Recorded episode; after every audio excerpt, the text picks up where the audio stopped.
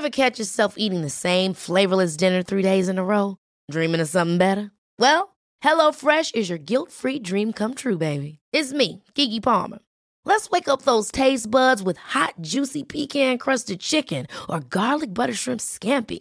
Mm. Hello Fresh. Stop dreaming of all the delicious possibilities and dig in at HelloFresh.com. Let's get this dinner party started.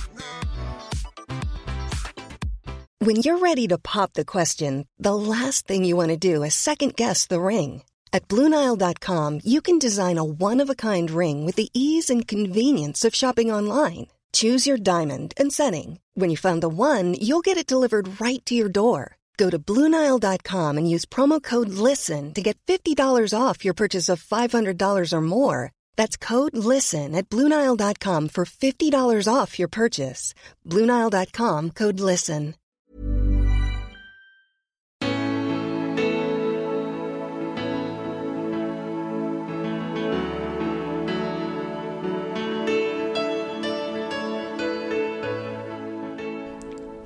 Men det blev ju ändå liksom hoppet från Tensta till Säpo. Så jag fick ju göra en clean cut där. Så när jag sa att ja, jag ska börja jobba på polisen, vad ska du jobba med då? Miljöbrott?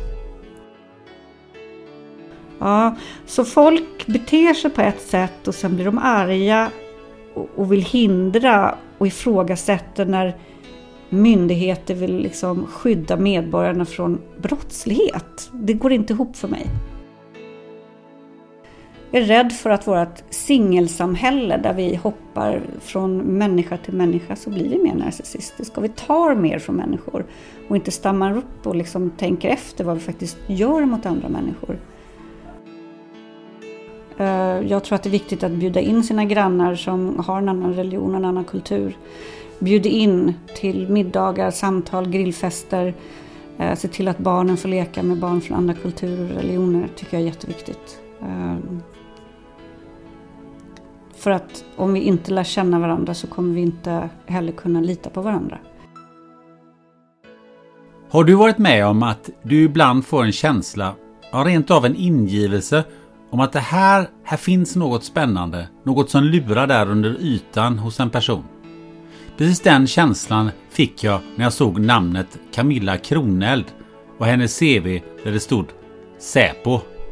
Dessförinnan stod det Studerat religion. Det blev ett intressant samtal med för mig helt nya vinklar i ämnet segregering, förort, religion och terrorism. Men även Camillas personliga beröringspunkter kring människohandel och sexköp gör samtalet intressant. Men framförallt, vill du ha en inblick i Sveriges säkerhetspolis och hur de jobbar så det här, det är avsnittet för dig. Camilla Kroneld har varit på Säpo och jobbat med terroristbekämpning. Eh, men även på Europol. Där hon dessutom jobbar med organiserad eh, brottslighet eh, under en längre tid. Därefter har hon jobbat fem år på EUs gemensamma smittskyddsmyndighet ECDC och senaste tre åren så har Camilla jobbat med datasäkerhet, GDPR. Välkommen till podden Spännande möte. Tack så jättemycket. Nu tog jag eh, tag i den eh, presentationen. Men, men jag kände så här att Alltså eh, det här kanske är en förutfattad mening men från terroristbekämpning till GDPR. Alltså det, det, känns lite som James Bond plötsligt skulle börja jobba på Försäkringskassan. Stackars James Bond. Stackars James Bond. Men, men liksom, kan du bara ta lite hur, hur kommer det sig att du har gått från gått från terroristbekämpning till, till GDPR? Ja, alltså det börjar med eh, när man börjar på Säkerhetspolisen ehm, så får man givetvis en gedigen duvning i informationssäkerhet. Alltså man sitter ju på det här Säpo-registret som är, finns alla hemliga uppgifter och akter och filer och papper och permar överallt. Och det är viktigt att man ser till att informationen ska vara säker för att skydda medborgarna. Det handlar ju om det. Man är inte först man är man är skyld, inte skyldig förrän man är dömd eller vad man säger. Ja, så är det ja. Um, och sen då så...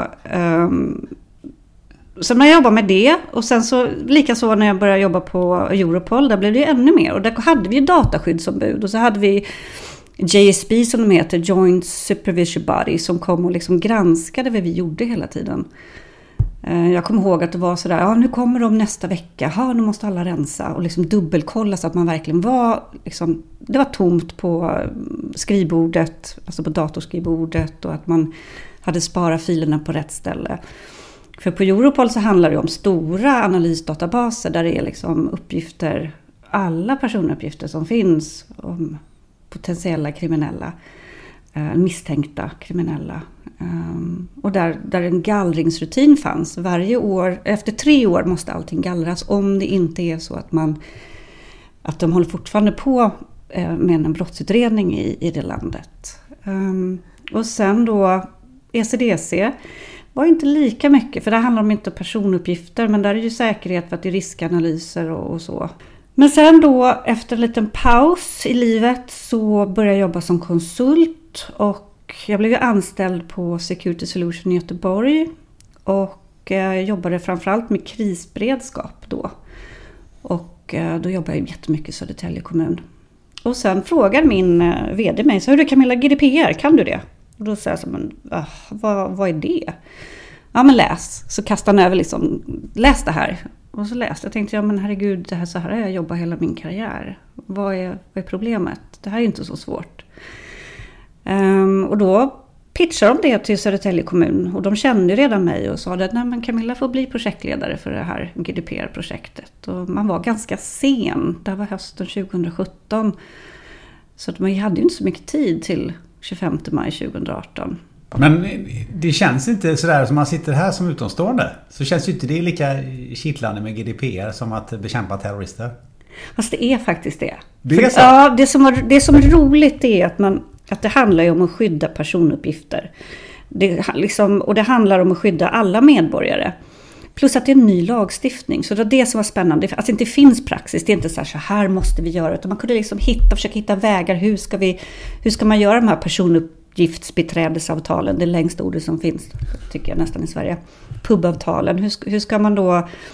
Aha, ska man gå efter SKLs, eh, SKFs, eller vad de heter, deras avtal? Eller ska man göra egna avtal? Och vilka klausuler ska finnas med? Och sådär. Och det Nej, jag tyckte att det var jättespännande ja. faktiskt. Så det, ja. det, är inte så stor skillnad kanske. Nej, det kanske inte är det.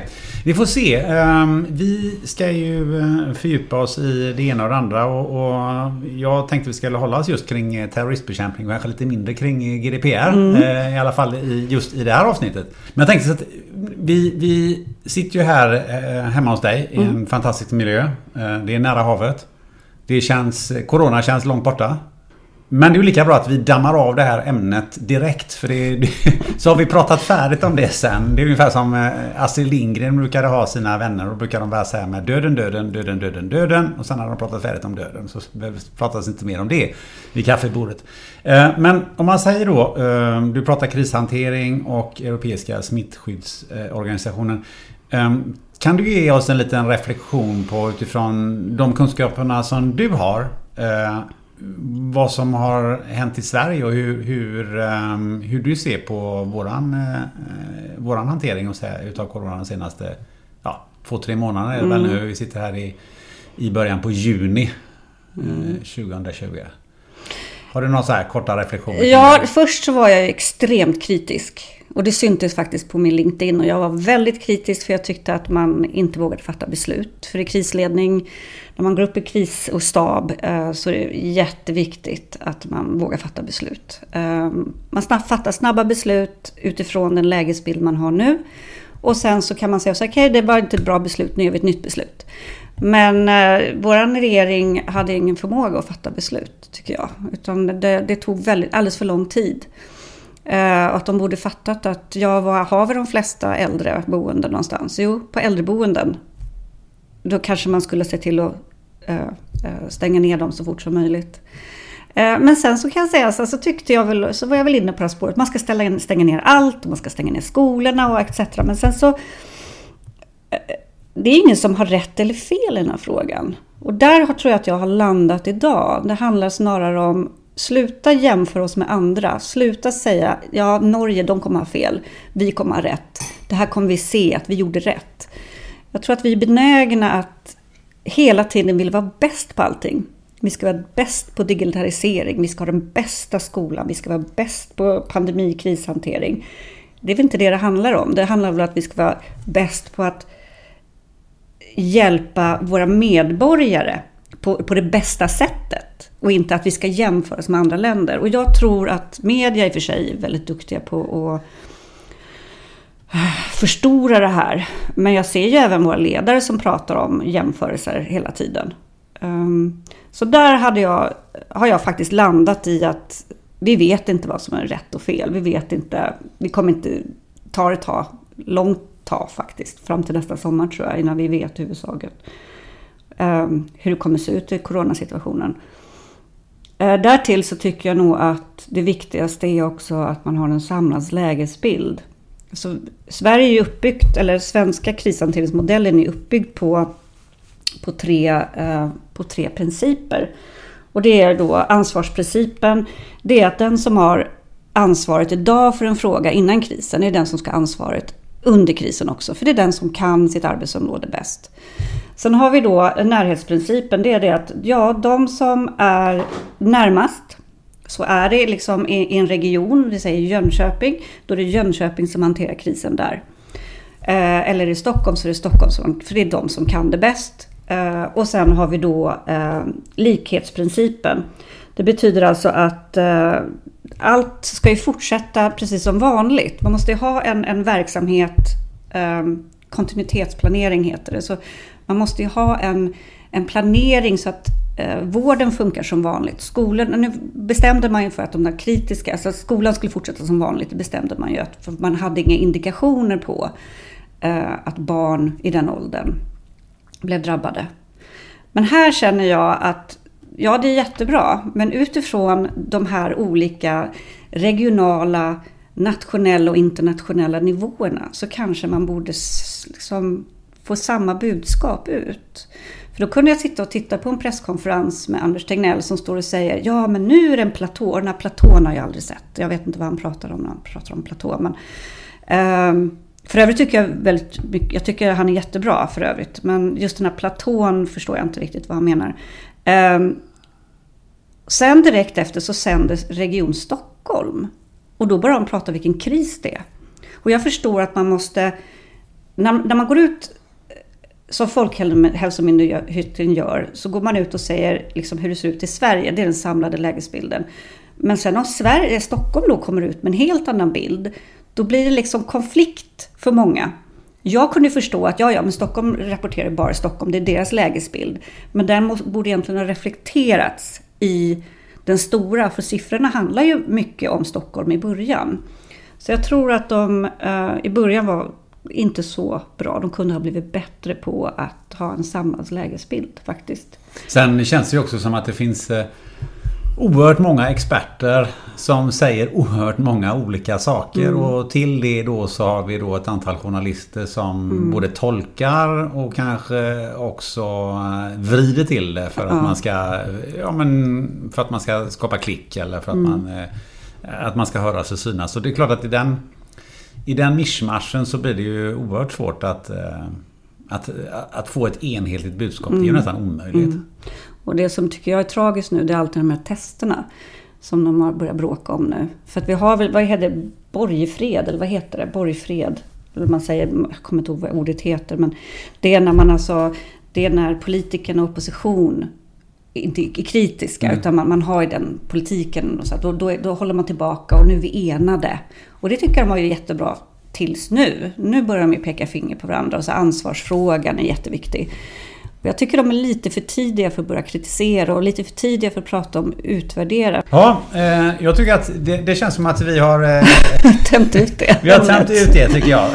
Eller ja, det här är ju ett ämne som vi kan... Det hade vi kunnat göra en egen podd om. Men om vi pratar om dig. Det som jag tycker eh, jag fastnade för lite grann. Det var ju det här med att du har studerat religion. Ja. Och jag... Kan du bara berätta lite för att... Um, varför gjorde du det? Ja, alltså när jag var liten, jag växte upp eh, lite utomlands. Eh, min pappa jobbade utomlands under vissa perioder. Eh, var någonstans då? Först på Kuba när jag var tre år. Oj. Och Vad, vad, vad pratar vi om då? Är det, är det är början av 70-talet. början av 70-talet? Ja. Okej. Och sen var vi tillbaka, sen var bodde på Jamaica. Då var vi också slutet på 70-talet, början på 80-talet. Och sen så flyttade han till Pakistan. Mamma och pappa skilde sig och sen flyttade han till Pakistan. Då var vi där och besökte. Och sen så flyttade han till Thailand. Så var jag där och Var besökte. det diplomat eller vad var det? Nej, han har jobbat för eh, privat men Sida och FN. Okej. Mm. Ehm, Men vad har det med religion att göra? det har att göra med att jag kom i kontakt med religion. Alltså kanske inte så jättemycket på Kuba. Kan man Nej, ju jag säga då, tänker då. Men eh, däremot i Pakistan och sen i Thailand. Framförallt i Thailand. Det var nämligen så att jag hoppade faktiskt av gymnasiet. För jag var en sån här krånglig tonåring. Eh, och då ringde min mamma till min pappa och sa nu får du faktiskt hämta henne. Krånglig tonåring? Ja, jag var jättekrånglig tonåring. Ja. Jag brydde mig inte så mycket om skolan och det var roligare med killar och hästen. Jag hade Okej, häst. Mm. Ehm, Ja, så jag hoppade av gymnasiet utan att säga till mamma och då sa hon till pappa nu får du komma och hämta henne. Så då flög pappa från Thailand och så tog han med mig till Thailand. Så jag var där i tre månader. Och det här skulle vara som ett straff då. då. Ja, det låter ju som ett straff. Ja, för jag hade pojkvän hemma och häst hemma. Så det var väl lite som ett straff först. Men sen var det ju inte det. Och där ehm, så kom jag faktiskt i kontakt med, ehm, med buddhismen väldigt nära. För att han var ju gift med en, min pappa är död idag, men han var gift med en thailändska. Eh, och vi åkte upp till norra Thailand till eh, där de har hus. Hade, hade hus. Eh, och hennes barn är lika gamla som mina, eller som jag är. Men vi kunde inte kommunicera med varandra. Men vi gjorde det ändå, konstigt nog. Men då var det så roligt för att då var det en, en, en munk, eller en, en man, en polis i byn bredvid. Som skulle bli munk för att hedra sin far som hade dött. Eh, Och då kan man bli munk bara under några månader för att Okej. hedra. Då var vi bjudna dit. Och eh, jag kommer ihåg när vi åkte över dit med en sån här eh, rickshaw eller vad det heter. Sån här du vet, buss man sitter bakom.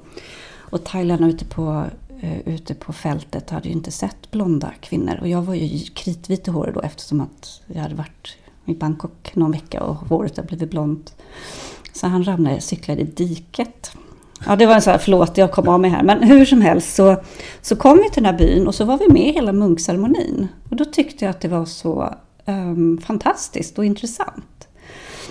Sen ehm, så får jag hoppa lite. Absolut. Sen när jag hade pluggat klart, jag läste in gymnasiet och um, då hade jag faktiskt en religionslärare som var väldigt um, duktig på att lära ut och få en att tycka att det var intressant. Och då liksom hakade jag på det där spåret.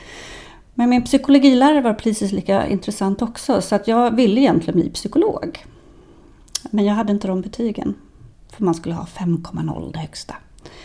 Men jag sökte i alla fall in till teologen i Uppsala och kom in. Ehm, och läste då, då läser man ett basår tillsammans med de som ska bli präster.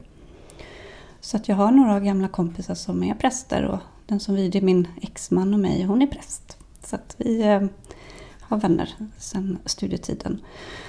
Och då började vi läsa religion och alla frågade mig vad ska du göra? Ingen aning. Kanske lärare, jag har ingen aning. Sådär. Men sen tyckte jag att islamologi, eller islam och judaistik var de mest fascinerande religionerna. För det är ändå lite konflikt kring dem och det finns en historik som är, eh, kan vara ganska blodig ibland, även kristendomen i och för sig. Men. Så att då fortsatte jag spåret och läste lite högre studier, magisterstudier i, i de ämnena. Och fick även stipendium att plugga i USA och läsa sharia-lagstiftning och så på en school och så. Så det var jättespännande. Och vad skulle jag göra med det här då? Ja, det kan man ju undra. Eller hur? Ja. Men, men, men alltså, jag, jag bara funderar på, det här låter ju himla intressant för att ehm, just det här pratar man ju väldigt mycket om, tolkning av Islam.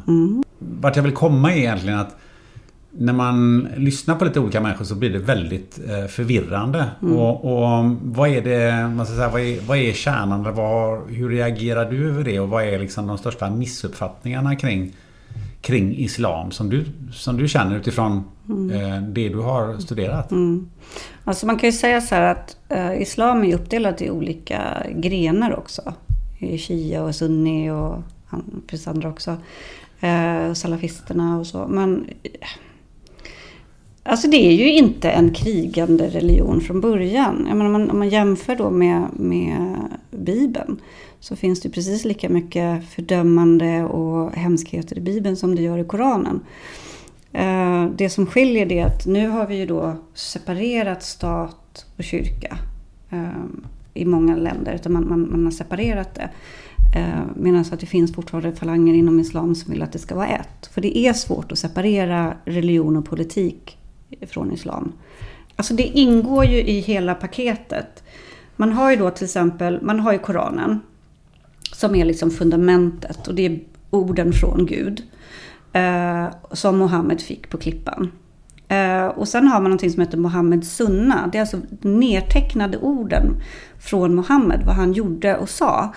Eh, så om Mohammed gjorde någonting, eh, alltså det finns ju eh, någonting som heter isnader. Det betyder att man, man kan titta på Ehm, den här personen sa till den här personen som sa till den här personen som sa till den här personen att Mohammed sa att det var okej att ha flera kvinnor, fruar. Så att, och, och, och, då kan man dra den vägen. Så kan man också säga att man, man sa konsensus kan man också säga. Eh, till exempel att eh, för att färdas över öken förut så var det okej okay enligt islam att använda en kamel. Men idag så kanske vi vill komma fram fortare, därför flyger vi med flygplan. Därför är det okej okay för muslimer att flyga flygplan.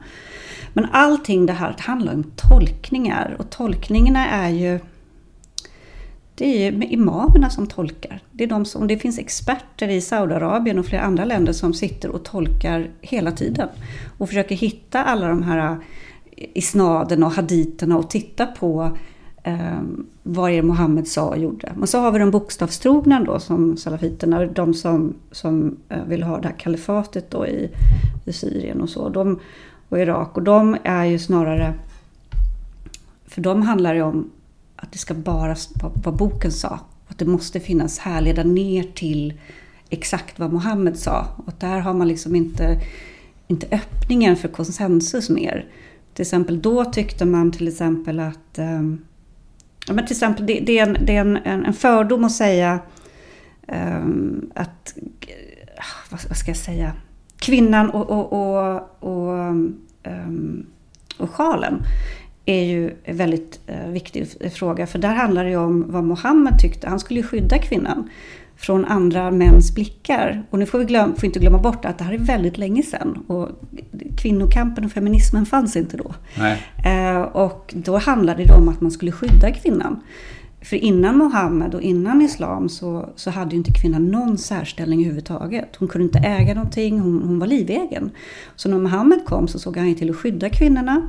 Eh, anledningen till att man faktiskt får gifta sig med flera är ju också för att, eh, och så kan man inte göra i alla länder, men i vissa länder så får man göra det och ta flera kvinnor. Och det är ju för att de hade ju soldater som stupade i kriget. Och då var det ju liksom plikten av de andra soldaterna att ta hand om deras fruar och barn. Så det där kommer också därifrån. Så att man tittar liksom bakåt vad som är okej. Och idag så blir det en clash mellan det nya samhället och gamla samhället. Eh, och levnadssättet. Men jag tror att det finns väldigt mycket fördomar. Det finns, om man tittar rent på religionen eh, per se så tycker jag att den är en precis lika fin religion som alla religioner. Det handlar om att värna om människan och familjen och rättigheter i samhället. Så att jag tror att det är... Terroristerna har tyvärr kidnappat religionen, skulle jag säga.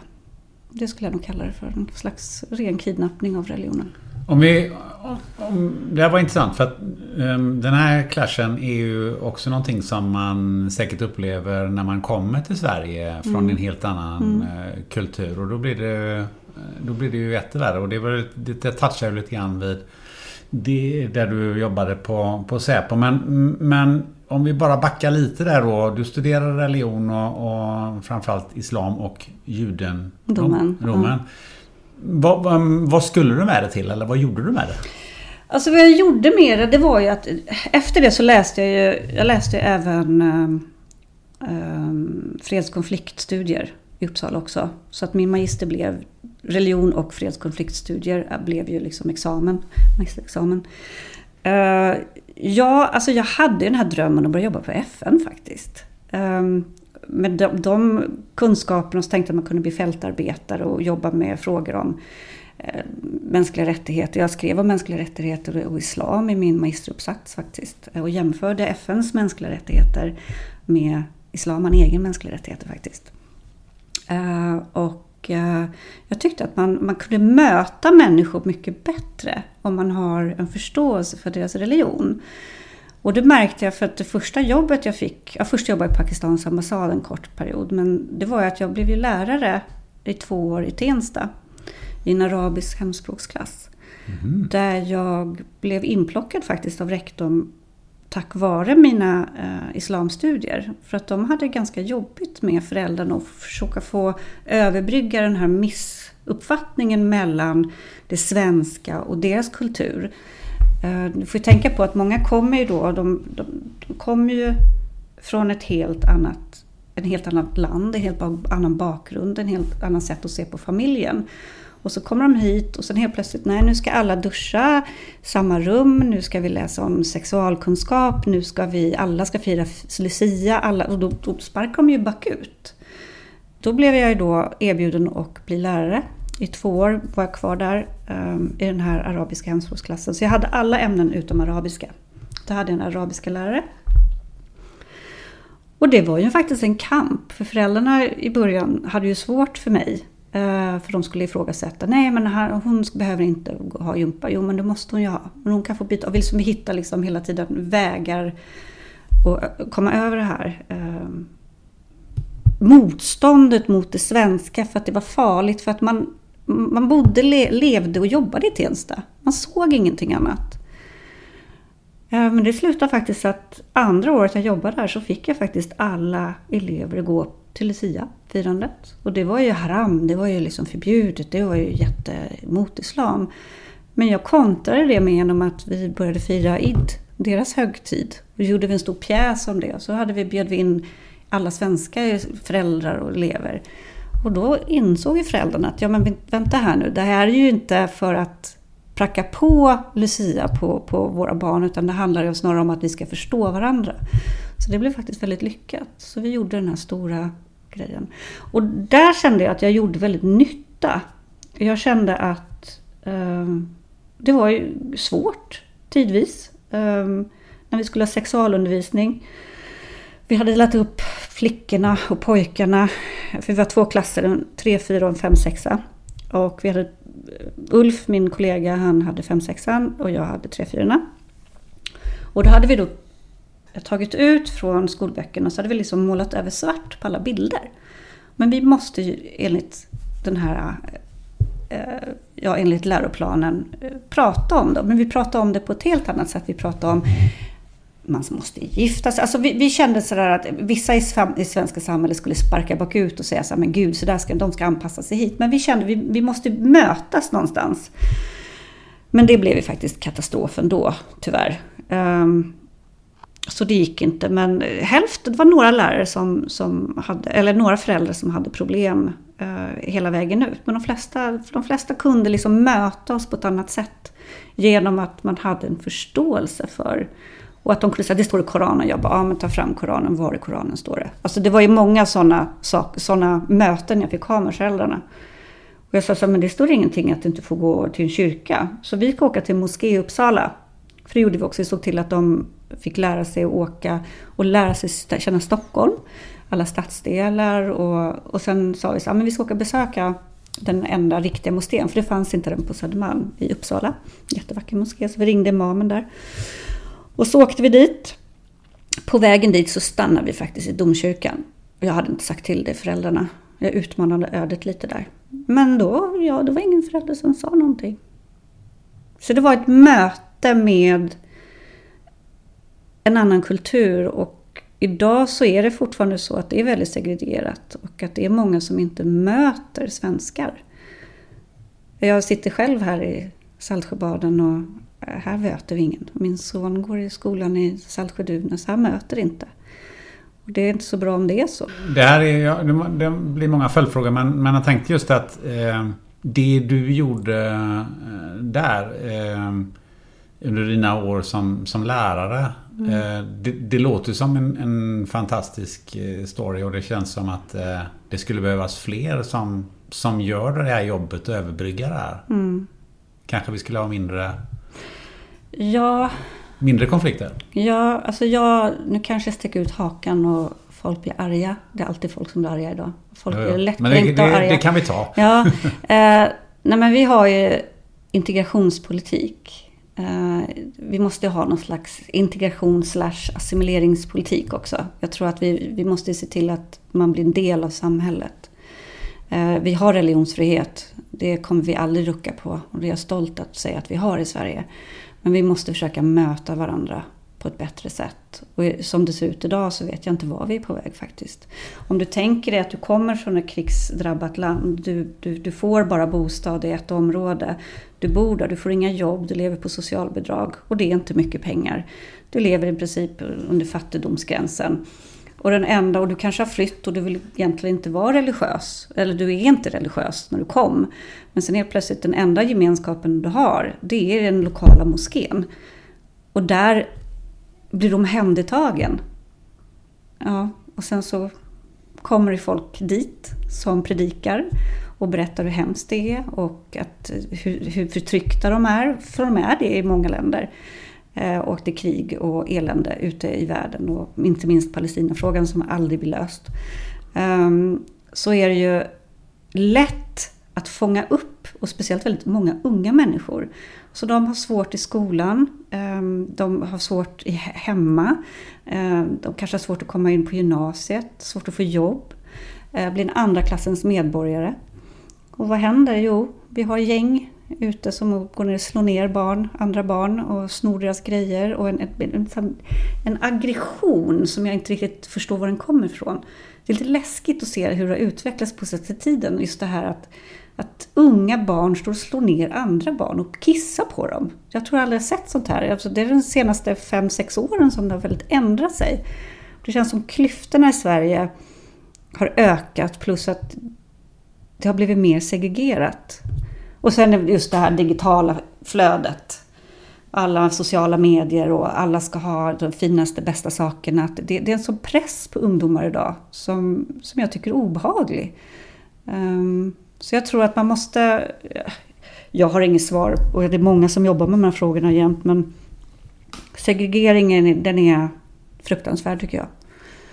Den måste vi jobba med. Men två år i skolan och sen var det ju fullt naturligt att börja på Säpo. ja, jag, jag förstår ju att det finns vissa... Men jag hör ju att det finns vissa, vissa punkter här som du redan har berört. Så det, fin, det, det, det är ju inte helt omöjligt men samtidigt är det ju liksom ändå ett, ett språng.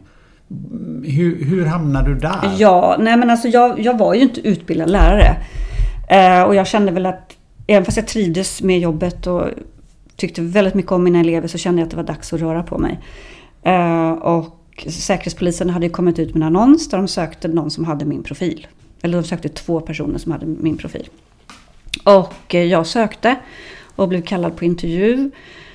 Och det man kan tro att det går över på den andra sidan, men det är det ju inte. För de här barnen var ju inga terrorister. Ja, det kanske blivande terrorister, men så får man inte säga. Men det tror jag inte. Jag faktiskt har haft, jag har eh, haft kontakt med några år efter några år efteråt. Och jag tror att kontakt med nästan 90 procent av dem. Och de har gått jättebra för dem. Gått på universitetet, de är jätteduktiga. Um, men det blev ju ändå liksom hoppet från Tensta till Säpo. Så jag fick ju göra en clean cut där. Så när jag sa att ja, jag ska börja jobba på polisen, vad ska du jobba med då? Miljöbrott? Alltså jag fick komma på någonting. Aha, det var inte, det var du ju, sa inte att du skulle nej, jobba nej, nej, nej, nej. Och det var ju inte så, det var inte så att, att Säpo sa till mig att jag inte fick säga det. Utan jag gjorde det själv för det, det, liksom, det, det kändes inte bra att säga det. Så att jag var hälsa på en gång efter ett halvår hos klassen, för de ville det. Jag tror att det var vid ja, en högtid. Och då så bara, ja men Camilla berätta nu om miljöbrott. Och jag bara, mm, du vet soptipp. Jag fick hitta på. Och det känns jättedumt idag men det var ju också för att inte de skulle gå hem och det skulle, de skulle se mig som en fiende och hon har varit här och eh, kartlagt oss. För det är ju så att många eh, kommer ju från länder där eh, underrättelsetjänsterna inte är snälla. Alltså underrättelsetjänsterna torterar och fängslar och eh, jagar. Ehm, så att underrättelsetjänsten är inte rumsren i vissa länder. Eh, och då kanske inte så bra. Och de vet ju inte riktigt hur, hur det funkar i Sverige. Så gjorde det. Så det var ett hopp. Det var ett stort hopp. Och, uh, men som sagt var, man, man, man jagar ju bara de som är dumma. Inte alla. Nej, det förstår jag. Mm. Du, men jag måste bara fråga då, eftersom du säger att du sa att du skulle, att du skulle syssla med eh, miljöbrott och det var, det var inte Säpo som sa det till dig. Men, men när du jobbade på Säpo, om du, om du um, alltså, var på någon fest eller du um, träffade någon på gatan eller liksom. Så det någon som känner dig. Ja, uh, uh, vad jobbar du med då? Rikspolisstyrelsen. Det är det man säger? Mm, uh, man får inte lov att säga att man jobbar på Säpo, eller hur alltså, är det där? Jo, men när, när, vi började, jag började med en kollega som hette Maria, vi började samtidigt och det var väldigt, det var nästan bara poliser som jobbade där då. Det var två analytiker på författningsskyddet och två på kontraspinaget. Och så blev det vi två på eh, och så var det strategiska analytiker, under GD då. Men på kontraterrorismen hade de inte, de hade haft den men ja, hur som helst. Eh, men då blev det någon slags förändring för det kom in mer civila. Eh, men jag hade ju kollegor där som aldrig hade berättat för sina fruar var de jobbade någonstans. För, så var det förut. De fick inte berätta var de jobbade någonstans ens en gång hemma. Medan hos oss sa de, ja, man går ju inte ut på krogen och säger Hej, jag jobbar på Säpo, ska du följa med hem? det hade varit en bra raggningsreplik kanske. Men däremot så, så om det var en fest till exempel då kunde man säga att man jobbar på Säpo. Och sen hade man ju läst på såna årsberättelser, den kan man prata om. Um, Säpo kommer alltid ut med en årlig uh, bok, en årsberättelse. Men första halvåret så beslöt jag mig för att jag ska inte prata alls. Eh, för att det blir så mycket intryck i början, för man går ju så mycket introduktionsutbildningar och så, så att då var det skönare att inte prata om det överhuvudtaget med vänner. Men sen så fanns det ju vänner man satt på fester som sa ja, ja, ja, jag förstår att du inte fick berätta det där. Jag bara tittade på dem, men det är klart jag fick berätta det, annars hade jag aldrig gjort det. Vad tror du om mig? Till vänner som sa, har du kollat upp mig nu? Nej, det får jag inte göra för då, då får jag sparken och jag får förmodligen fängelse. Nu vet jag inte vad det är för att kolla i systemen men det är ganska allvarliga saker. Um, så att det men, jag, men jag tänker som om, om jag hamnar på en middag. Om jag skulle hamnat bredvid dig. Ja. Nu du jobbar på, på ja. Säpo. Men då hade vi nog pratat kanske om att jag jobbar på... Ja, om det var så att vi hade gemensamma vänner. Ja, då, då sa jag nog att jag jobbade på Säpo. Okay. Att jag var kontraterroristanalytiker. Eh, det måste ju vara en väldigt bra partyöppnare. För det ja, måste ju vara... Typ, alltså det är liksom det där att... Eh, Eh, jag känner en del läkare. Mm. Och de säger att de är läkare. Så kommer liksom alltid Ja men du vet eh, Du jag har lite ont i knät här. Och så börjar man prata sjukdomar mm. eller något sånt där som de tycker är jättejobbigt. Men, men jag tänker mig att om du säger att du jobbar på Säpo. Mm. Så hade åtminstone jag liksom, det blir 10 000 frågor. Alltså för att man inte, hur, hur är det och hur är det mm. och sådär. Um, hur, hur, upplevde du det? Eller var det så att ja, men jag vill helst inte säga att jag jobbar på Säpo, jag hittar på något annat? Nej, men så var det faktiskt inte. Utan jag, jag kunde säga att jag jobbar på Säpo. Men framförallt så frågade, det de frågade efter, det var väl liksom Ja, hur är det med de där Säpo-registren? Det, det var där hela oron kom om just att man att jag kunde kolla upp hela deras liv. De har en sån här övertro på att, det, att de avlyssnade var alltid så här, ja nu är vi avlyssnade när de ringde mig eller som mina kompisar. De, det var lite fjantigt faktiskt. Men sen så kom ju 11 september efter ett år. Eh, och då fick jag ju stänga av. För det, det gick ju inte. För jag kan ju inte komma ihåg om jag satt och jobbade en hel dag och informationsmöten och information som bara flödar. Eh, så kan ju inte jag sitta och... Jag vet ju inte vad som har sagts på TV eller vad jag har fått i underrättelser från andra tjänster. Det var så, svårt för dig att hålla reda på? Nej, men det, då, då, var det så att jag pratade inte om det. Och det var samma sak, det tragiska som hände Anna Lind. Det var precis samma sak. Det gick liksom inte att prata om det överhuvudtaget. Vi visste ju att hon dog, hade dött före alla andra och sådär. Så det var... Där fick man lägga locket på bara för att se till att man inte gjorde bort sig såklart. För det är ju det är rikets säkerhet. Men jag tänker på, det måste ju någonting som har lockat dig på Säpo. Om man säger att ja, men vi söker någon som är, har, eh, hade din profil. Du måste ju som ha känt det att mm, här gör jag nytta på något sätt. Eller här, vad, vad, liksom, vad tänkte du eh, när du gick in i det här jobbet? Alltså jag har väldigt högt rättspatos, har jag alltid haft. Och faktiskt min son ärvt det av mig och det är ganska härligt att se. Nej, så där får man verkligen inte göra mamma. Håll båda händerna på ratten, sa han häromdagen. Ja, ja, jag ska. Eh, nej, men jag kände väl just det här skyddet av medborgarna. Det kanske låter fjantigt, men jag hade ju ändå läst om fredskonflikt och där läser man lite om mänskliga rättigheter och sådär. Det handlar ju liksom syvende och sist om att skydda medborgarna. Så att det var ju inte det här, gud vad häftigt grejen, utan det var snarare, nu får jag jobba, nu får jag använda mina religionskunskaper, för det var det de ville ha. De ville att man skulle kunna förstå eh, religionen, utvecklingen, historiken kring eh, vad som har hänt i världen och hur det ser ut.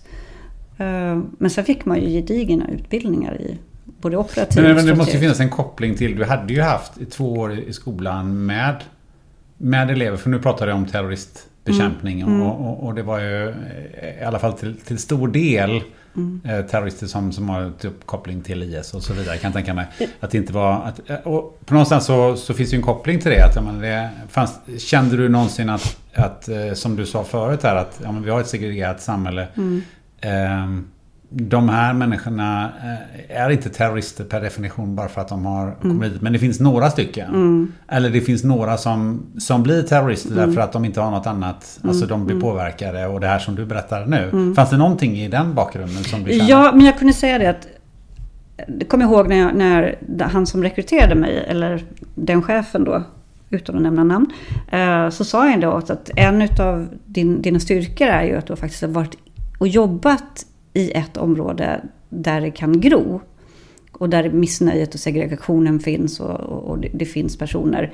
Eh, och att jag kan prata med dem och förstå dem eh, utifrån ett, ett, ett liksom civilt perspektiv. Eh, Så det vet jag att det var någonting som lockade dem. Eh, så att jag tror att de såg mer kopplingen än när jag gjorde det. Jag kände bara nu vill jag jobba med islam. Jag vill jobba med liksom religionsfrågorna. För det fick jag ju inte göra liksom direkt i skolan på det sättet. Jag var ju lärare, jag jobbade ju och lärde matte och svenska och OE och SO och historia. Men här fick jag liksom grotta ner mig i, i, i religionen och rättsfrågor. Men varför, varför hade det sån eh, stark koppling till religionen och terroristbekämpningen? Hur hänger det ihop? Jo, men det är så att alltså, terrorism, det finns ju flera olika sorters terrorism. Men även idag så skriver ju Säkerhetspolisen i sin årsrapport att islamistisk terrorism är ju fortfarande det största hotet. Eh, och det är därför vi har förhöjd hotbild i Sverige. Jag tror att det är tre på en femgradig skala som vi sitter idag. Eh, så det är inte så konstigt att man vill ha människor som har eh, kunskap om religionen. För att, inte för att förringa mina eh, suveräna kollegor som jag hade då som var poliser, men de hade ju inte den utbildningen. De var ju poliser. Och då kommer vi in med ett helt annat perspektiv, att vi kan förstå religionen på ett helt annat sätt. Och vad, drivkrafterna bakom och kanske ha mer historik med oss. Var det lättare att identifiera terrorister, potentiella terrorister för er i och med att ni hade den här religionsbakgrunden? eller? Ja, ja, det var väl snarare profileringen som kanske var lättare. Och att kunna förstå. Och eh, att titta på dynamiken mellan grupperingar och eh, problematiken kring terrororganisationerna. Alltså det, det har ju polisen, de kunde ju liksom om terrororganisationer, men vi kunde ändå religionsperspektivet. Eh, det finns ju inga religionskrig, det är bara makt och territorium. Men så använder man ju religion, alltså det är min, där kan de tvista, lärda tvista heter det. Eh, men det är ändå, ja jag tror att det är ändå perspektivet. Eh, det är samma sak som om, om statsvetare som är jätteduktiga på extremism eller organiserad brottslighet eller läst kriminologi. De funkar jättebra på författningsskyddet som handlar om eh, ja, autonoma, alltså andra extremiströrelser, vänster och så. Så där tror jag nog, jag tror att Säpo såg på min CV mer potentialen vad jag, jag kanske jag gjorde. Jag bara wow, nu kan jag jobba med religion. Så lite blåögd var jag nog. Ehm, men jag tyckte det var ett fascinerande jobb. Eh, jag gick hem första halvåret faktiskt bara hem och la mig varje dag. Jag liksom badkaret och bara sa hej ska ni på krogen? Nej, jag måste nog hem och tänka lite för det var, det var ju så överväldigande. För vi fick ju gå runt på alla avdelningar. Nu ser inte Säpo ut så idag men det var ju sådär det var en ögonöppnare. Och det är precis som Säpo skriver i sina rapporter, det är att det sker ju väldigt mycket utan att gemene man får reda på det. Och det finns ju en anledning, man ska ju skydda, skydda medborgarna från att veta allt och skydda de misstänkta. Och inte förrän det blir rättegångar så vet man. Men de avstyr ju ganska mycket i hela världen hela tiden. Men om man, om man tar då den typen av terrorism som, som du eh, eh, jobbade med. Hur, hur blir man terrorist? Hur man blir terrorist?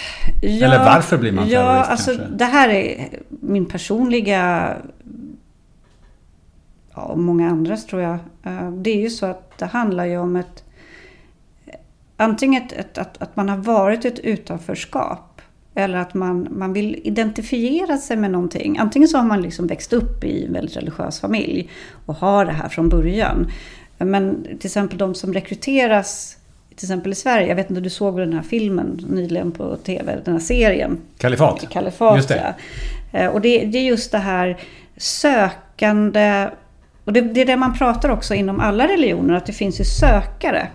Um, och att man söker sig till en gemenskap. Det finns en kan tänka dig Pelle, 14 år, känner sig ganska mobbad i skolan. Han känner sig, eh, han har ingen flickvän, alla andra flickvänner. Han har jobbigt och trassligt hemma.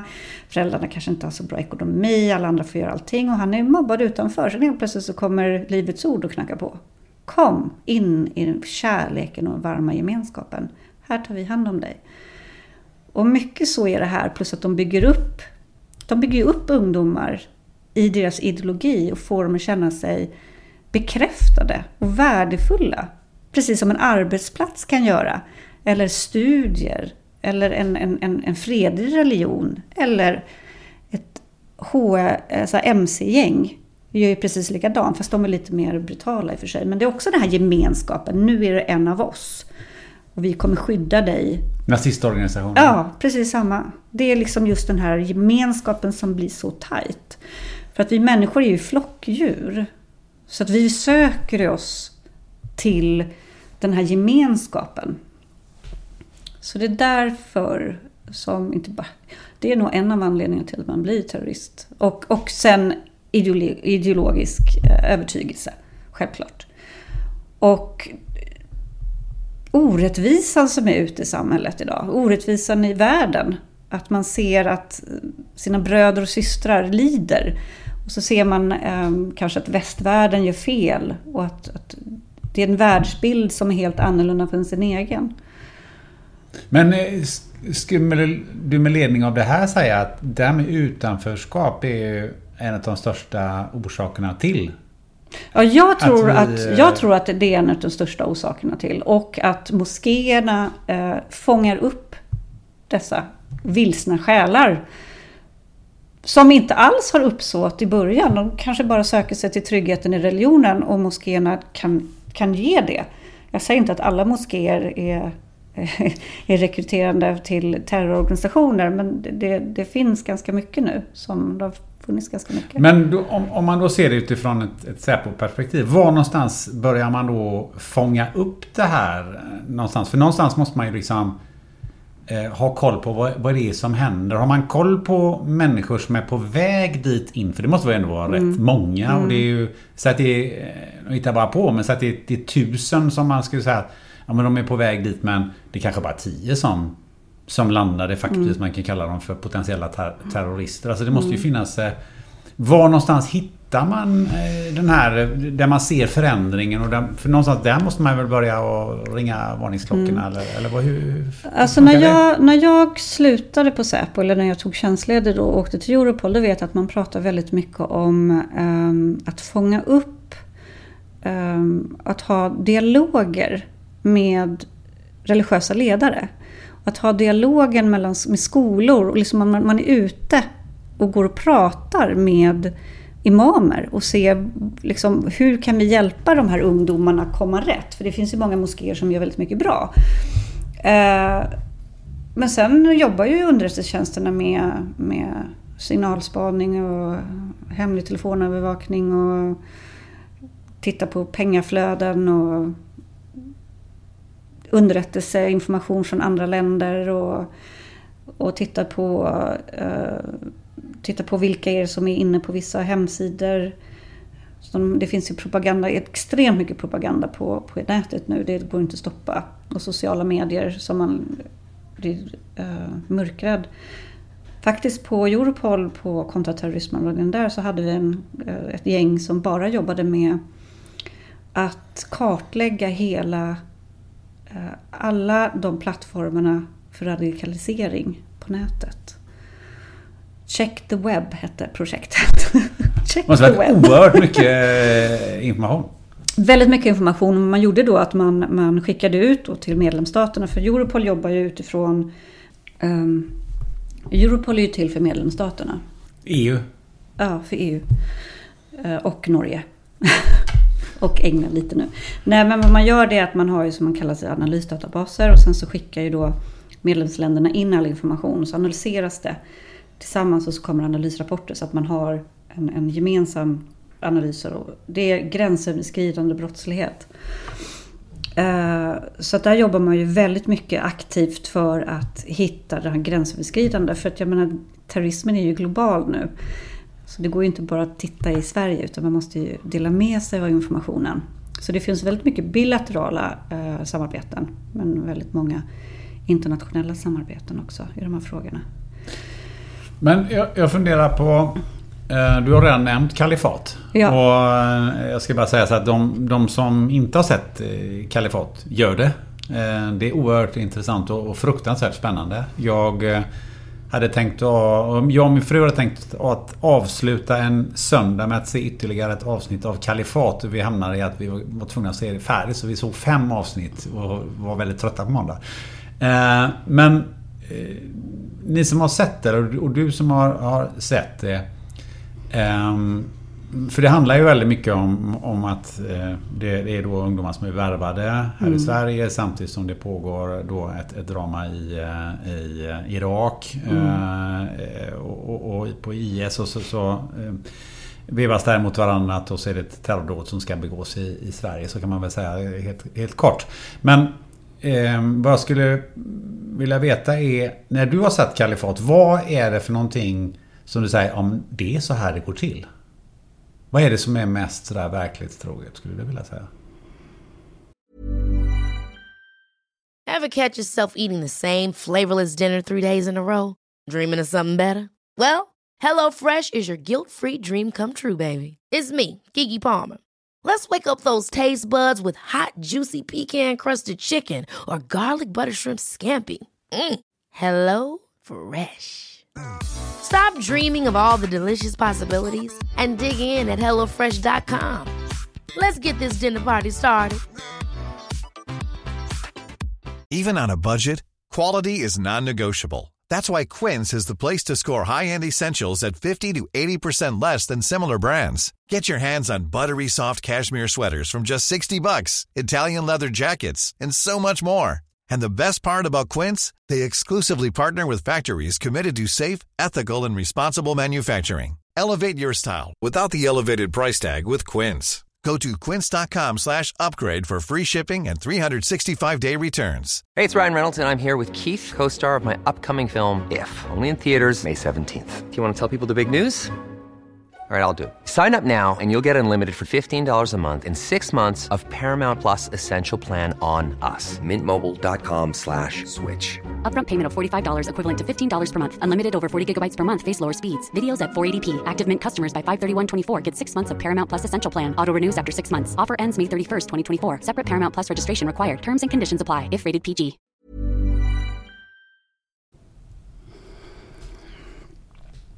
Det är att det finns personer som är ute i skolor och är, ute, eller är i fängelser. Eller personer som är utplacerade i samhället för att värva.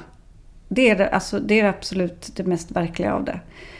Eh, tjejerna kommer ju för sig från, från en, liksom en väldigt trygg och fin familj. Men det behöver inte betyda någonting heller. Eh, men det verklighetstrogna är att det, det, antingen är det då att man... För jag har ju pratat, pratade väldigt mycket innan om att man, man är kanske vilsen. Men här är ju också ungdomar som är vilsna. Eller de, har, de får målat upp en bild som är bara wow. Tänk, jag får åka dit och det är så fantastiskt och vackert och vi kommer bo i lyxhotell och allting kommer vara så fint där. Um, så det är ju den här åldern kanske som man går in på och värvar. Nu var det ju specifikt att de skulle värva kvinnor som ska föda nya barn till, till kalifatet. Um, det som inte var godtroget är att Säpo skulle aldrig utsätta sina, sin personal för det de gjorde mot henne, agenten. Äh. Vad tänker du på? Alltså hon, hon som var nere i... Eh, ja, att de skulle liksom... Nej, nej, men agenten här i Sverige. Att de skulle aldrig utsätta henne för att, en komplott på slutet där de trodde att eh, det var chefen som var ansvarig. Där, där, där blev det lite Hollywood över det hela. Eh, så, så, så, jobbar man inte. Men nej, men jag tycker att den är fantastisk och jag såg på den och jag känner igen väldigt mycket av det jag har läst och eh, den kunskap jag har fått från mina arbetsplatser absolut. Det förekommer ju också att man, eh, eh, man har då en, en, en tjej ner, där nere i, mm. eh, IS som, som då rapporterar till mm. eh, en, en Säpo-medarbetare mm. här i Sverige. Och hon blir ganska hårt eh, pressad kan man ju säga som, som vittne där. Eh, är, är, det, är det troget? Nej, alltså, alltså visst man kanske måste pressa men nej, det, det, det känns också väldigt brutalt. Alltså Säpo är en snäll organisation. Vi är inte, liksom, vi är inte ute där och härjar. Men samtidigt så är det så här, om man vill fram information. Alltså jag har ju aldrig jobbat på fältet. Jag är liksom Du har inte kört bil fort och skjutit med Nej, jag har suttit och åkt med chefer som, som har kört alldeles för fort. Som har varit livvakter tidigare och jag har hållit i mig väldigt hårt. så här, nej, vi har bråttom till ett möte. Ja, nu kör vi 260 här.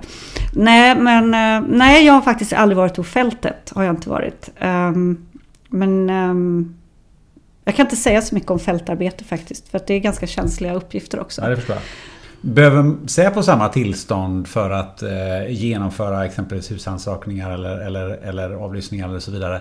Eh, som man behöver i, då, i det öppna polisväsendet? Absolut. Det måste vara ett åklagarbeslut varje gång. Det är ingen skillnad? nej, ingen skillnad. Och de har ju, jag kommer ihåg om vi skulle ha hemlig telefonövervakning över någon och sådär. Och det är ju inget hemligt att Säpo gör det. Men eh, det var alltid åklagarbeslut. Vi fick inte göra någonting om vi inte hade åklagare. Och det måste vara väldigt underbyggda uppgifter. Så det är absolut inte att Säpo får leka hur de vill. Och hela den här FRA-debatten som var för några år sedan. Eh, jag kan säga att jag har suttit och lyssnat på samtal där jag har hört information som är orelevant. Och det gjorde jag på, på och jag har övervakat e-post och sådär. Det gjorde jag till och med på, på Europol när jag jobbade där. Um, för det ingick jag internutredningsgruppen. Och vi skulle se till att, ja, vi hade några fall som jag jobbade med och ett fall där vi liksom fick gå igenom vederbörandes hela e-post. Ja, jag fick ju se massor om den här personen som inte hade huvudtaget med caset att göra som ja, ganska, väldigt känslig information. Men det är ju ingenting som jag bry mig om. För jag har den yrkesrollen, jag är ändå professionell. Så hela den här debatten att, att man är rädd för att bli övervakad av staten. Å ena sidan kan jag förstå det, men när det gäller att skydda rikets säkerhet och medborgarna så tycker jag att... Och, och på grund av den digitalisering som sker idag så tycker jag att Säpo ska få mer befogenheter. Och det är det de efterfrågar nu. De vill ju kunna hitta, spåra allt på nätet, vilket de inte kan idag. FRA kan ju trolla, men de kan inte trolla så långt. Det måste ändå finnas en laglig grund för att få utföra detta arbete. Så där, um, men annars så är det åklagare.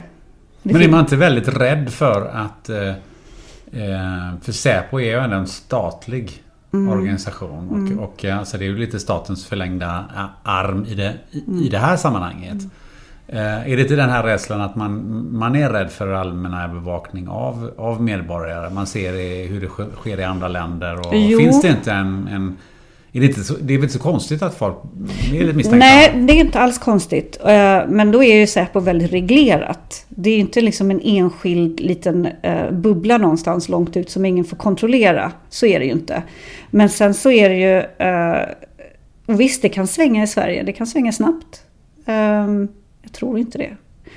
Där vi övervakar våra medborgare. Nej, men jag, jag känner mig ganska trygg eh, jag bodde på Ekerö förut och varje gång jag åkte förbi FRA så sa jag Hej FRA! Och så la jag på luren. Jag tyckte det var jätteroligt. Jag har själv varit där på möten jättemycket. Men, men nej, jag tror att när det gäller, eller min åsikt är det när det gäller brottsförebyggande arbete så är det väldigt viktigt att man har rätt redskap. Sen så tycker inte jag att, eh, Eh, att personuppgifter ska ju inte spridas käns och speciellt känsliga personuppgifter ska ju inte spridas hejvilt. Och därför tycker jag att GDPR-arbetet är så otroligt viktigt. Och vi ser ju att det läcker som såll överallt nu personuppgifter. Och man, Transportstyrelsens katastrofen och, eh, och sen den här eh, nyligen var det något vårdbolag som hade liksom var det med 1177? Ja, 1177 och något nytt här nu som kom alldeles nyligen. Och liksom hej vilt våra personuppgifter. Det är också känsliga personuppgifter. Om våra hälsa och jag menar för det är lätt att kartlägga oss. Så gemene man, de är oroliga för att staten ska övervaka men samtidigt så har de inga problem att lägga ut hela sitt liv på Facebook, Instagram, LinkedIn, WhatsApp, ladda ner appar. Eh, visar sina här, ansikten och Kina lagrar allting. Så att, ja, är man rädd? Eller vill man bara kunna göra precis som man vill utan att bli kartlagd? Det, man får liksom göra balansen i, i, livet. Jag har inte Facebook längre. Jag tog bort Facebook för två och ett halvt år sedan för jag kände så här, det räcker nu. Varför det? Eh, för det första så kände jag att jag hade delat med mig för mycket. Och ändå var jag ganska restriktiv. Sen kände jag att eh, jag litade inte på Facebook. Det var alldeles för mycket eh, algoritmer som profilerade mig. Eh, det spelade ingen roll om jag tog bort Facebook, tog bort Messenger, tog bort alla appar, skaffade ny telefon, nytt telefonnummer, loggar in. Så hittar de mig. Och jag klarade inte av det. Jag tyckte att det var för integritetsintrång i mitt liv faktiskt. Plus att jag tyckte Facebook var ganska trist. Jag orkar inte bry mig vad folk springer 17 runder eller... Och nu förstår jag mina vänner. Facebook är bara en sån där som man debatterar och skriker åt varandra och blir kränkta och arga. Till och med Instagram när jag började med Instagram, det har jag faktiskt kvar. Men Instagram har jag avslutat flera gånger och börjat om från början. Men även där så ser jag den här tendensen till påhopp och troll och elakheter. Och, ja. Så folk beter sig på ett sätt och sen blir de arga och vill hindra och ifrågasätter när myndigheter vill liksom skydda medborgarna från brottslighet. Det går inte ihop för mig. Om vi går tillbaka till de här eh, potentiella terroristerna här i, i Sverige. Eh, vi hade ju ett dåd på, på Drottninggatan. Mm med eh, en kille som heter Akilov. Mm. Som, som genomförde det här. Vad vet du, eller vad, hur kommer det sig att en, en person som han gör en sån, en sån grej? Är det den här vanliga radikalisering och så, och så uppfångad och så och sen något? Eller är det, är det den här en person som kommer på att han ska göra någonting och, och, och genomföra ett sånt här dåd? För att det jag, vart jag vill komma är ju att hur kan vi skydda oss mot, mot olika typer av terroristbrott när någon person bara kan ta en lastbil och köra rätt in på en gata? Det kan ju mm. egentligen vem som helst mm. Mm. Så, i vuxen ålder göra. Mm. I Sverige mm. eller i andra länder. Så man behöver ju inte direkt en Kalashnikov och, och 17 handgranater och självmordsbälten och mm. allt vad det är för någonting. Um, så liksom, vad, jag, vad jag vill komma tillbaka till är lite hur fångar man upp den här typen av av terrorister? Alltså sådana ensam, ensamlirare, de är jättesvåra att fånga upp. Uh, och vad jag, som sagt jag är inte så påläst de senaste åren har jag inte jobbat med terror på det här sättet. Men jag vet att man börjar prata om att förut så, man pratade om Al-Qaida som började och på 90-talet och att, att, att allt hörde ihop och det var små celler och de kommunicerade och det var liksom, allt var så, allt hörde ihop. Till att bli lite mer lokala celler som inte liksom hade kopplingar till att nu har jag förstått att det går tillbaks igen till att bli kopplat. Jag, jag vet inte riktigt hur det ser ut idag faktiskt. Eh, man kan aldrig fånga upp eh, enskilda galningar. Det kan man inte göra. Och frågan är om det är terror eller om det är eh, någon annan slags av, av brott. Det beror på vad, vad syftet är. Är det för att störa ut samhället? Är det för att hota och skrämma? Eh, för syftet med när det är terror, det är liksom, terror kommer från latin och betyder skräck eller ja, skräckinjagande. Och det handlar ju om att, att, att skrämma samhället och förstöra eller rubba eh, finansiella eller alltså ekonomiska eh, faktorer i samhället eller sociala eller göra så att folk ändrar sitt beteende för att försöka få pressa politiken till ett, an, till ett annat håll. Eh, så att om, om någon bara tar en lastbil och kör rakt in, som det var någon som gjorde i Holland, bara rakt in i massor med människor, så är inte det en terrorist. Om den inte har uttalat vad den har för syfte med det. Och de här gärningsmännen, de är ju svåra att, att fånga upp. För man, människor mår ju inte så bra alltid. Och jag menar, tittar vi i USA där, där vi har väldigt många som går in och skjuter sina arbetsgivare och går in och mejar ner folk på restauranger när de är arga. Så är ju så, den psykiska ohälsan är ju snarare en fråga som vi måste prata om också. Så allt är, är ju inte terror. Men som sagt var, jag, underrättelsetjänsterna jobbar ju febrilt med att kartlägga, eh, övervaka, eh, försöka få indikationer, eh, infiltrera och få information om människor som, som är radikaliserade eller kan tänkas bli. Men det, där står det ett ord, in, infiltrera. För det var också någonting som jag funderat på där. Ehm, att, eh, eh, alltså att man att man jobbar med infiltratörer, det vill säga att är det, är det personer som, som man värvar i organisationen eller är det personer som är utbildade inom, inom sitt, eh, sitt område och som man sen sätter in i, i det här? Värvar man människor eller vad, hur funkar det? Man gör båda. Så man ska vi nog inte gå in lite så mycket på det faktiskt. Men, men, vad, jag, men vad, vad, man dock kan gå in på det är ju så här om och det är detta är ju rent principiellt mer än, än kanske om det är Säpo eller om det kan ju vara polisen också. Eh, att om du infiltrerar en organisation eh, så måste du go with the game så att säga. Mm. Eh, och vad finns det egentligen för, för grundregler kring det där? För att de personerna som infiltrerar en organisation kan ju absolut behöva begå brottsliga handlingar för att, för att inte avslöja sig själva. Eh, eller, kunna, eller åtminstone se brottsliga handlingar som pågår och låta dem pågå för att kunna sätta dit någon istället för, istället för bara att någon råkar ta, ha, ha kniv på offentlig plats. Mm. Så kanske inte det är riktigt det som man vill sätta dit den här personen för. För den kanske har helt... Eh, alltså hur, hur, hur länge... Hur länge får det här pågå? Finns det regler kring sånt här? Eller? Ja, det finns regler. Vi följer svensk lagstiftning. Och, och vi är... får inte uppsåt och vi får inte begå brott för att hindra brott. Så där, det, liksom, det där är amerikanskt sätt att arbeta kan jag säga. Så det gör inte, Säkerhetspolisen jobbar inte så. Men vad händer om en infiltratör hamnar i, nu sitter man här och så eh, är man på väg att begå ett brott. Det, och det finns ju inte en chans för att den här personen kan, kan sticka därifrån. Ja. Uh, det här är nog utanför min... Uh,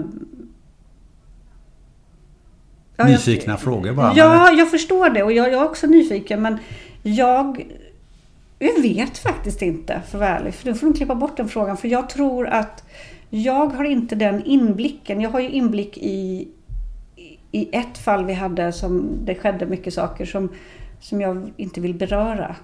För det, även fast det varit i media så blir det så känsligt om man berör det. Men eh, jag kan ju säga så att det är väl mindre infiltration än vad det är källdrivning. Vad är källdrivning? Man driver källor. Och jag tror att det står till och med, man ska dubbelkolla det när jag fortsätter. Jag tror att de skriver det. Ja, det gör de. Vad är källdrivning? Källdrivning är när man hittar personer som kan ge en bra information. Ah, okay. Så att det är snarare källdrivare som man har. Man har personer på, på som, som um, är i de här miljöerna som man kan få information utifrån. Så det är inte snarare, det är inte en Säpo-agent som går in och blir placerad i inne i organisationen utan det är snarare så fall att man, man, man får någon som kanske vill därifrån eller någon som tycker att nu har det gått för långt och vill ge information. Men ett annat eh, hot som, som man ser och som faktiskt Säpo har skrivit själva på sin egen webbsida. Det är att ett, man skriver så här. Ett flertal individer med kopplingar till våldsbejakande extremistmiljö driver skolor och förskolor i Sverige. Uh, och i teknik, ny teknik så har man kunnat läsa att uh, det finns ett relativt stort antal organisationer med kopplingar till våldsbejakande extremister som tar emot offentliga medel genom bidrag. Och det, då, då ska vi samla ihop det till en fråga. Uh, hur, um, hur naiva är vi i Sverige? Gemene man är nog väldigt naiv.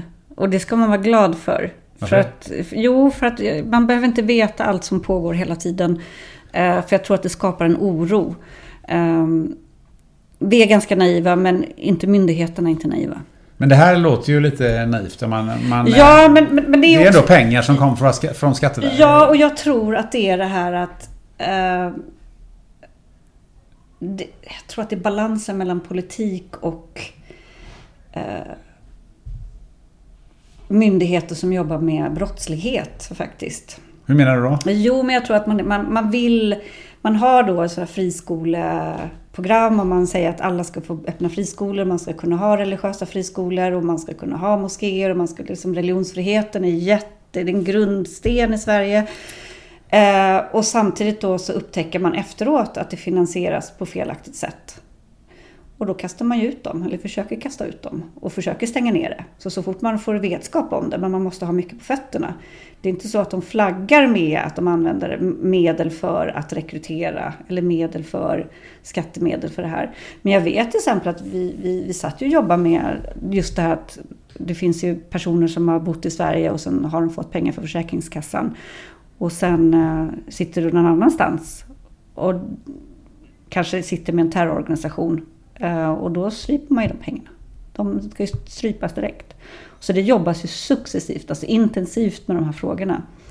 Eh, och jag kan säga att det de har kommit ut med nu, det handlar ju faktiskt om att det är ett långt arbete bakom för att kartlägga och få reda på att det verkligen är så. För skulle en myndighet som Säkerhetspolisen gå in och säga så här, nej men ni håller på med terrorverksamhet och så gör de inte det. Och då blir det problem eftersom det är religionsfrihet och det friskolor får finnas och sådär. Så att, eh, nej jag tror inte att myndigheterna är inte naiva. Och sen så har vi en politiskt, eh, vi har ett samhälle där vi är väldigt öppna och vi ska ha integration och vi ska inte um, särskilja och vi ska inte segregera på det sättet. Alltså vi ska inte, jag förstår vad jag menar, mm. man, man, alla, lika för alla. Alla ska få vara med och alla ska få ha sina skolor och sådär.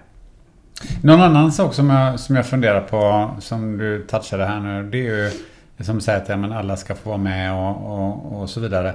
Men samtidigt så, så eh, använder vi ju eh, väldigt olika språkbruk när vi, när vi beskriver eh, motsättningar, radikalisering och, och, och, så vidare. Och jag vet ju att, att ehm, eh, jag lyssnar bland annat till, till Magnus Ranstorp som, som påpekar just det att att det, det, är viktigt vilken typ av språk man använder i det här sammanhanget. Att när man, när man bara kallar människor för terrorister eller mm. kallar dem för andra saker. Att det, det är väldigt lätt hänt att, och då var det, då hade man framförallt pressen som, och även gemene man som liksom som, mm. eh, som punkt i det här. Att, att om man använder ett, ett eh, vad ska man säga, ett väldigt extremt på, eh, språkbruk åt mm. det ena eller andra hållet. Att, mm. det, att det också undergräver och, och påverkar den här eh, typen av eh, verksamhet. Absolut, och jag menar där kan man ha det här ordet eh, jihad till exempel. Om jag säger jihad till vem som helst och säger åh, visst det är då muslimerna ska kriga. Det är deras heliga krig. Nej, men det finns, det finns fler jihad. Det finns hjärtats jihad, där man ska hjälpa andra människor att vara kärleksfull. Och så finns det då svärdets jihad som är... Så att det, det där tror jag de som har kunskap om det ska sätta någon slags nomenklatur. Och där är Ranstorp väldigt duktig på liksom att, att forskarna driver det att man har ett gemensamt språk. Jag kommer ihåg när jag jobbade på Säpo, det var, kom det in en ny analytiker och han tyckte vi skulle säga jihadister och jag var ju jättearg. Jag bara, vi ska, inte, vi ska kalla dem för islamister. Vi hade jättelånga diskussioner. För då tyckte jag att säger man jihadist, jaha, då tar man ju bort liksom det religiösa liksom ordet som, som kan betyda så mycket mer. Så vi hade långa diskussioner. Så det är viktigt vilket språkbruk man använder. Och jag kanske idag till och med har sagt ord som inte idag är rumsrena längre utan att man har kommit längre i, i diskussionen. Faktiskt. Men jihadist har jag riktigt aldrig riktigt gillat det ordet. Men jag får väl böja mig för, för, för forskarna och säga, om de säger jihadist får jag väl också säga det. Ja. Fast nu säger man IS-krigare säger man nu va? Det är väl det nyaste. Men jag vet inte om det är media eller om det är forskarna som säger det nu. Jag är osäker på det faktiskt. Du, innan vi eh, lämnar det här lite grann tänkte jag. Um, har du någon koll på vad, vad, vilken typ av terrorism eller organisation ser du som eller överhuvudtaget extremistorganisation oavsett vilken det nu är. Vad, vad tycker du själv är liksom den, den största hotet eller vad är det som är, far, vad är, vilka är det som är farligast för, för Sverige just nu? Det är fortfarande islamisterna. Eh, och eh, ju mer oro det blir i vissa områden, nu har det väl lugnat ner sig lite, men så fort det blossar upp så kommer det nya grupper. Eh, det finns, vi har ju en lång rad historia med terrororganisationer både från Egypten och Muslimska brödraskapet och i Palestina och um, och i Irak och Afghanistan. Så det, det, det blossar upp där det är, eh, känns som en orättvisa. Så jag tror att det är islamisterna fortfarande, islamistisk terrorism, som, som är det största hotet. Men sen är jag också rädd för, för um, den svenska politiken och uh, högerextremister. tycker jag är väldigt obehagligt. Och vi lever i en sån värld nu som jag känner att det är mer och mer polariserat. Men någonting som du har jobbat med eh, vad jag har förstått eh, på Europol i alla fall eh, förutom då terrorism. Jag tycker att vi kan ta och lämna det ämnet lite grann nu. Men du har även jobbat med organiserad brottslighet? Ja, när jag, jobbade, när jag började på, på Europol så var det så att jag kom ju dit och rekryterades som analytiker som jag trodde för kontraterror. Men det tyckte inte min italienska chef. Och jag var jättearg på honom i början. Nej, här när man är analytiker så ska man göra allt. Och det är jag tacksam för, för då fick jag alltså jobba med organiserad brottslighet som jag inte hade jobbat med tidigare. Så då fick jag då jobba i andra eh, analysfiler. Men framförallt så fick jag jobba med, första året var det med, producerade Europol en årsrapport om organiserad brottslighet. Så det var ingen analys, det var liksom en situationsrapport. Där vi beskrev, vi samlade in information från alla medlemsländer och beskrev hur eh, kriminaliteten ser ut i EU. Eh, och då fick man ens en gång inte ge rekommendationer. Så det var väldigt så strikt. Man, man, fick bara beskriva, man fick inte rekommendera någonting. Det skulle politikerna ta själva. Men sen eh, två år, ja, två år till hjälpte jag till med, eh, då gjorde vi något som hette OCTA, Organized Crime Threat Assessment, som vi jobbade med. Och då var vi, vi sju analytiker, strategiska analytiker som delade upp alla områden och skrev om organiserad brottslighet i EU. Om trafficking, om eh, mc-brott, om miljöbrott, om eh, pedofili och eh, ja, utifrån de databaser vi hade men även utifrån hur det ser ut i, i de olika länderna. Då. Drugs, alltså, ja, vad är, vad, vad är det största hotet där? Vad är den, vad, vad, vilken typ av organiserad brottslighet är, är den som är störst? Idag, idag vet jag inte, men det, det går ju hand i hand många. Alltså trafficking, allt som har med det som passerar gränserna så är det oftast, de gör flera brott samtidigt. De kanske till och med smugglar knark samtidigt som de smugglar prostituerade till barn, till allt möjligt. Så att det verkar som, eh, nu har inte jag läst de här senaste rapporterna från Europol, men att, att det blir som en um, multibrott faktiskt. Och att det finns ju de här flödena som kommer in. Uh, nu har inte jag de senaste, liksom, hur de kommer, varifrån de kommer. Så jag skulle säga att handel med människor tycker jag är det vidrigaste som finns. Um, knark är också hemskt och allt sånt där. Men handel med människor, uh, det, det, tycker jag är, uh, och för det är slaveri i princip. Och det är det som ett jätteinflöde i, i EU. 60 till 70 procent, alltså bara 700 000 bara in i EU förra året för sexuella ändamål. 60 till 700 000 människor? Nej, 700 000 människor ja. flödade in i EU förra året i, i eh, människohandel. Och eh, det är globalt, ett jättestort globalt problem. Och 60-70 procent är för sexuella ändamål. Va, hur, hur, ser den här organiserade brottsligheten ut? Jag menar, eh, hur, hur, hur, får man tag på de här människorna och hur transporterar man dem och hur får man in dem? Och, och hur, hur, kan du bara berätta lite ja, kort? Ja, den... alltså nu kommer inte jag ihåg, för jag, jag, skrev ju själv inte om trafficking speciellt mycket, men jag har ju följt det lite sådär. Nej, men det handlar ju om eh, stora nätverk som samarbetar. Eh, och de sitter på enorma penningflöden. De eh, sitter utspridda lite överallt i världen och transporterar fram och tillbaks. Fångar man de här människorna eller lurar man, man dem? Eller vad? Framförallt så lurar man. Man lurar för ett bättre liv. Bättre att man ska få komma och jobba som nanny eller städerska eller här kan du få jobba på restaurang och här ska du få göra det här och vi kan ta dina barn till ett bra ställe. Eller rent utav köpa barn från föräldrar i Asien som inte har råd och säga att ja, men de ska adopteras bort. Och sen så förflyttas de här människorna. Det, och även um, vad jag förstått i flyktingströmmarna, när det kommer unga flickor som egentligen är på flykt, så fångar man upp dem och låser in dem. Mångt och mycket. Och sen så distribuerar ut dem till olika ja. länder. Ja. Det touchar lite grann vid eh, det som eh, skedde för inte allt för länge sedan. Eh, när eh, Paolo Roberto mm. åkte fast ja. för sexköp. Och eh, vad, vad, vad, som har framgått eh, hade med, också med trafficking och mm. att göra då.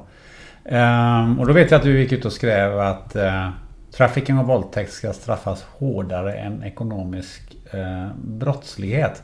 Hur, ehm, eh, hur kommer det sig att du reagerade så hårt över, eh, över just den här eh, händelsen? För att en, en, en, kvinnas kropp ska aldrig vara en handelsvara. Eh, och jag reagerade, alltså jag, jag, hur ska man säga, jag tycker att på ett sätt att det är bra att det var en, en, en kändis som blev fast. Varför då? För att det lyfts fram mycket högre då. Annars blir det, det var nämligen någon inom polisen nyligen Eh, eller militären, som det skrevs jättemycket och var dömd för koppleri. Det är helt tyst om den människan. Och det var ju koppleri. Det var ju ganska allvarligt. Han, han, han hade säkert flera sådana här kvinnor som var i trafficking. Men det blev helt nedtystat. Men nu bara för att vara en kändis så lyftes det upp ganska högt. Eh, och, och, han har blivit uthängd rätt rejält. Eh, hans största misstag var ju att han satte på sig offerkoftan och satte sig i TV och tyckte så jäkla synd om sig själv. Och vi lever i ett samhälle nu med incels och män som tycker att sex är en mänsklig rättighet. Och det, det skrämmer mig att, att det är så. Ehm, att vi lever i ett samhälle nu där eh, man har rätt att bara köpa sig allt man, man vill ha och behöver för stunden. Och just att kvinnor är en handelsvara tycker jag är så beklämmande. Sen vet inte jag, jag eh, vill inte ge mig ut i hetluften där folk blir, tycker att man inte ska kriminalisera kvinnan också. Men jag kan säga att när jag jobbade på Europol och satt och åkte fram och tillbaka till Bryssel. Och när man kommer, tåget stannar i Bryssel Nord. Och första gången när jag åkte ner på ett möte i Bryssel så tittade jag, tog, tänkte jag tog morgontåget 6.20 eh, från Haag. Och så tittade jag åt vänster och så är det bara massor med skyltfönster. Där står kvinnor då också om halv nio när jag ska gå på mitt EU-möte. Och män som går fram och tillbaks där. Och jag, redan då så blev jag så beklämd så varje gång jag åkte tåg till Bryssel, så vilket var väldigt ofta, så satt jag på den andra sidan. Och jag visste att jag ska inte titta åt det hållet för jag tyckte att det var så hemskt. Och det kändes så konstigt att bo i ett land som Holland där där prostitution är lagligt. När vi ändå jobbar på Europol med trafficking. Det var, det var för mig också samma liksom väldigt drogliberalt land när vi jobbar mot droger. Så det blev lite så här eh, en konstig del. Hela dagarna går åt till att liksom jobba mot organiserad brottslighet och sen så går man ut och hem eller åker till Bryssel för att äta en kväll och sen så ser man det här helt lagligt. Men som... Um, nej, Paulos största problem det var att han gick ut och tyckte synd om sig själv. Och jag har stött på sådana män i livet. Det är så synd om dem. Och jag förstår inte riktigt varför.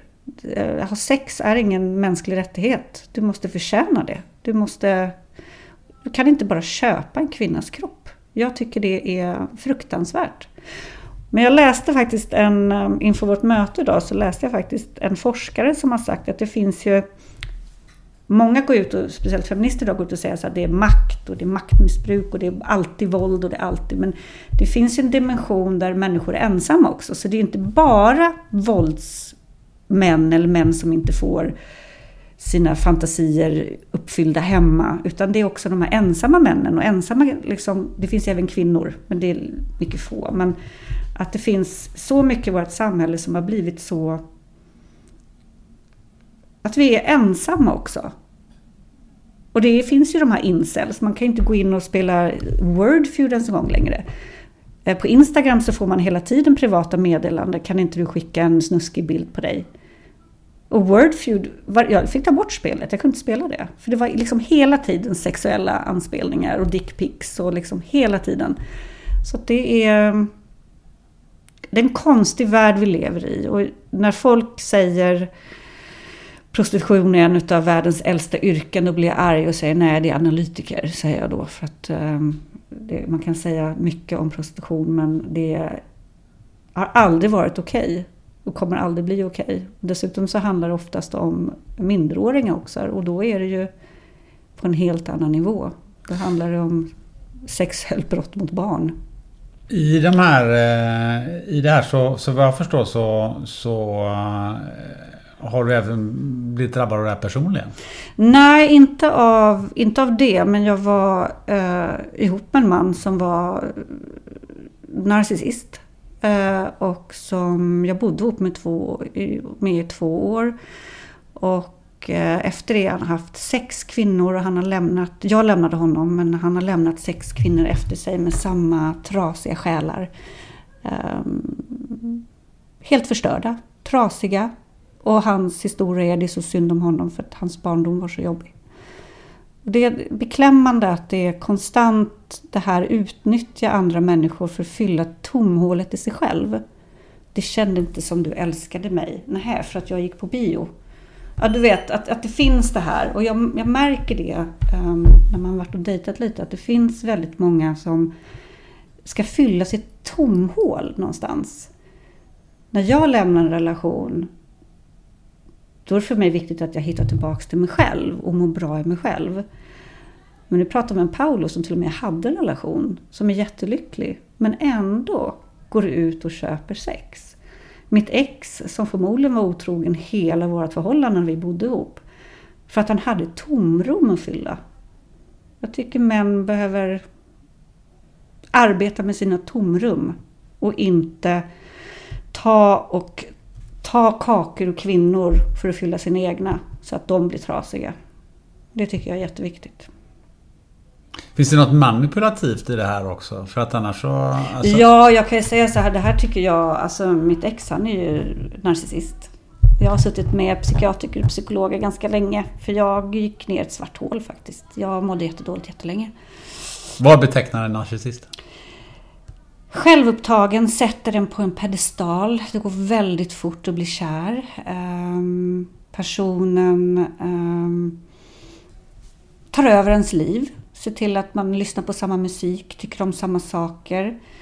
Sen duger man inte. Så när man liksom börjar skrapa på ytan och man får en vardag och börjar kritisera någonting som inte funkar i vardagen, typ du diskar inte eller du gör inte det här, då, det, då blir det som en kritik mot den som person och den känner sig inte älskad längre. Den vill inte höra någonting som är fel på den för den förmodligen hört det hela barndomen. Att den inte räcker till och duger till. Ehm, jag vet att man kan slänga sig, ah, den där människan är en psykopat och den där människan är en narcissist. Men när en människa går från kvinna och kvinna eller man och man, för det finns kvinnliga narcissister också, som bara liksom går från nästa till nästa till nästa utan att vända sig om och lämna liksom trasiga människor bakom sig. Men det roligaste är att de gör. De kommer tillbaks igen och lurar igen. Så man blir fast i ett, liksom ett, ett, ett um, narcissistiskt vortex. Man, man, hamnar i något sånt här konstigt, jo men eh, det kallas för kognitiv, kognitiv dissonans där man upplever, men vänta, var, han var ju jättesnäll, vi var ju jättekära. Jo, men han har nog bättrat sig nu. Det där kan inte vara sant. Va? Han pratade inte med mig ett år. Han gav inte tillbaks mig mina saker. Jag har fortfarande saker som jag inte fått tillbaka. Är det därför det är så svårt att ta sig ut? För det nästa steg är väl liksom att, att det också begås... Eh, man undrar liksom varför kan inte kvinnor säga ifrån eh, män som är våldsamma? Ja, ja, eller, men det, man, man, man är manipulerad. Det var, fanns ju ingen våldsamhet, det fanns ju ingenting sånt i den här relationen. Nej, nej, det men bara... det är lite så som du säger. Att, Ja. det, alltså att man inte kan ta sig ur för att man blir på något sätt... Man är, man är för manipulerad. Ja, man är för manipulerad och man, man, man blir som sagt var satt på en pedestal och kärleken är så... Man vill gifta sig efter en vecka, man vill gifta alltså inte Den personen vill ju gifta sig efter en vecka, man får ju höra de mest fantastiska sakerna som man aldrig har hört förut. Eh, och man ska bindas upp den här personen ganska snabbt. Eh, nu vet jag inte, Paolo skriver ju alla att han är narcissist. Jag kan inte diagnostisera för jag är ingen hobby eller psykolog. Eh, men eh, där vet jag inte vilket tomrum han måste fylla. Eh, han hade ju allt som man kunde ha. Men ändå så kände han att han behövde gå och förstöra ytterligare en annan kvinnas liv för att fylla sitt eget tomrum. Och det finns ju säkert kvinnor som gör det också. Jag säger inte att det är bara män, men majoriteten är män. Och jag är rädd för att vårt singelsamhälle där vi hoppar från människa till människa så blir vi mer narcissistiska. Och vi tar mer från människor och inte stammar upp och liksom tänker efter vad vi faktiskt gör mot andra människor. Eh, Kan man, kan man säga att det här med, med, med sexköp och, och hela den här eh, eh, trafficking och hela den här industrin eh, också man ska säga, blir en del i det eller upp, uppfyller de här eh, tomrum? Eller vad Ja, det gör det ju. Det har ju eftersom att, också eftersom att eh, det är lagligt i så många länder och att män har uppenbarligen ett jättebehov och vissa män tycker att det är mänsklig rättighet att få ha sex. Förlåt att jag säger så, men jag tycker det är ganska roligt. Eh, så känns det som att behovet ökar. Och jag tror att det ökar också för att vi lever mer egoist, vi är mer egoistiska. Vi vill bo själva, vi, vi, vi vill inte få krav på oss. Det är lätt att gå till en prostituerad, hon kommer inte ställa någon krav att jag ska diska, städa och damma. Du, ehm, vi ska ehm, avrunda det här. Ehm, och jag tänkte att vi kunde avrunda med, avrunda med lite smarta råd. Ehm, och jag tänkte ställa frågan först där. Ehm, när ska man ringa polisen och när ska man ringa Säpo? Polisen är ansvariga för vanliga brott och organiserad brottslighet. Eh, Säkerhetspolisen är ansvarig för rikets säkerhet. Jag måste bara flika in det. Säpo har alltså inte något ansvar för, eh, för organiserad brottslighet? Nej, Nej, okej. De är eh, ansvariga för när det handlar om rikets säkerhet. Så att det handlar alltså om eh, spionage, terrorism, eh,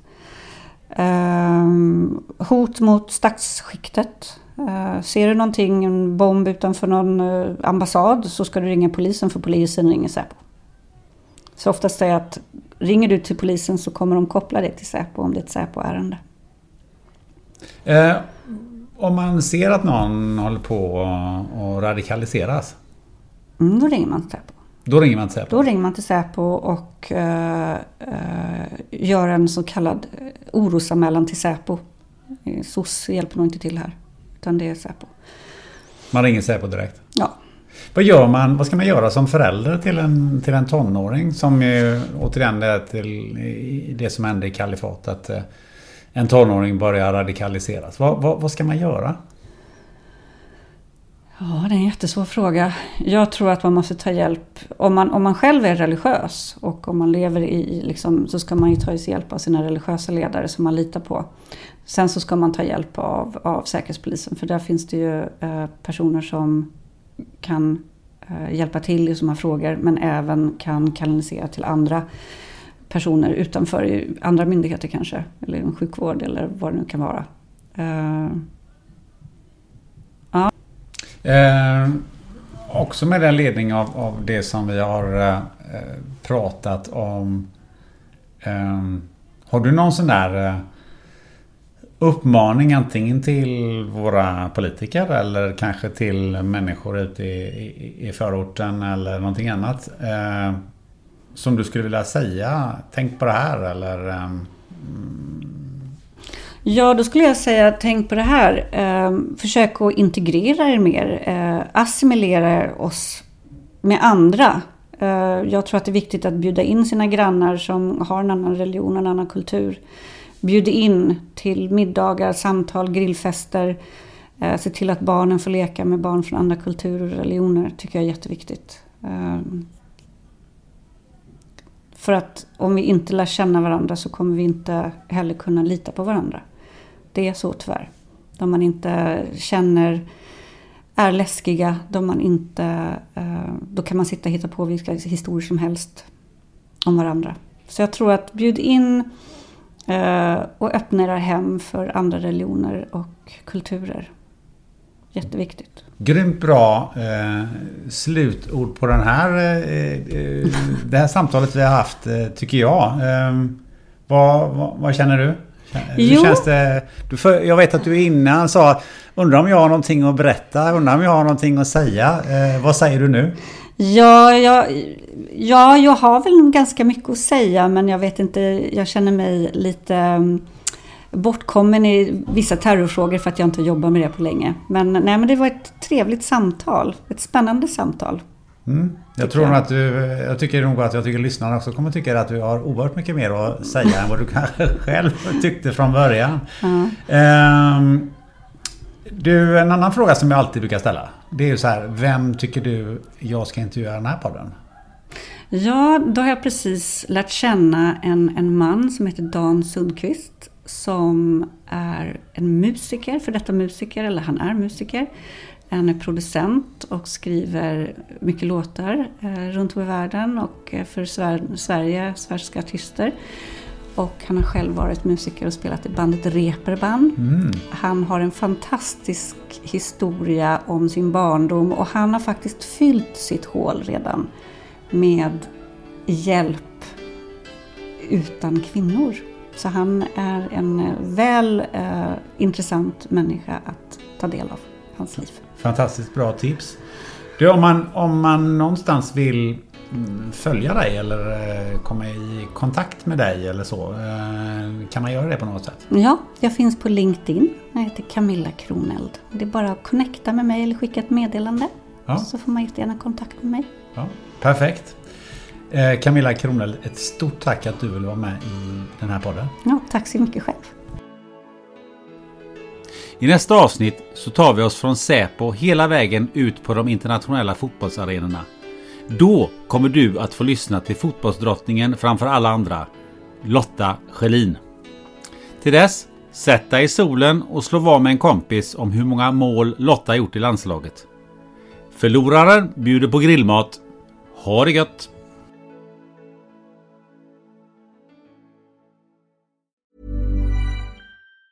Even on a budget Quality is non-negotiable. That's why Quince is the place to score high-end essentials at 50 to 80% less than similar brands. Get your hands on buttery soft cashmere sweaters from just 60 bucks, Italian leather jackets, and so much more.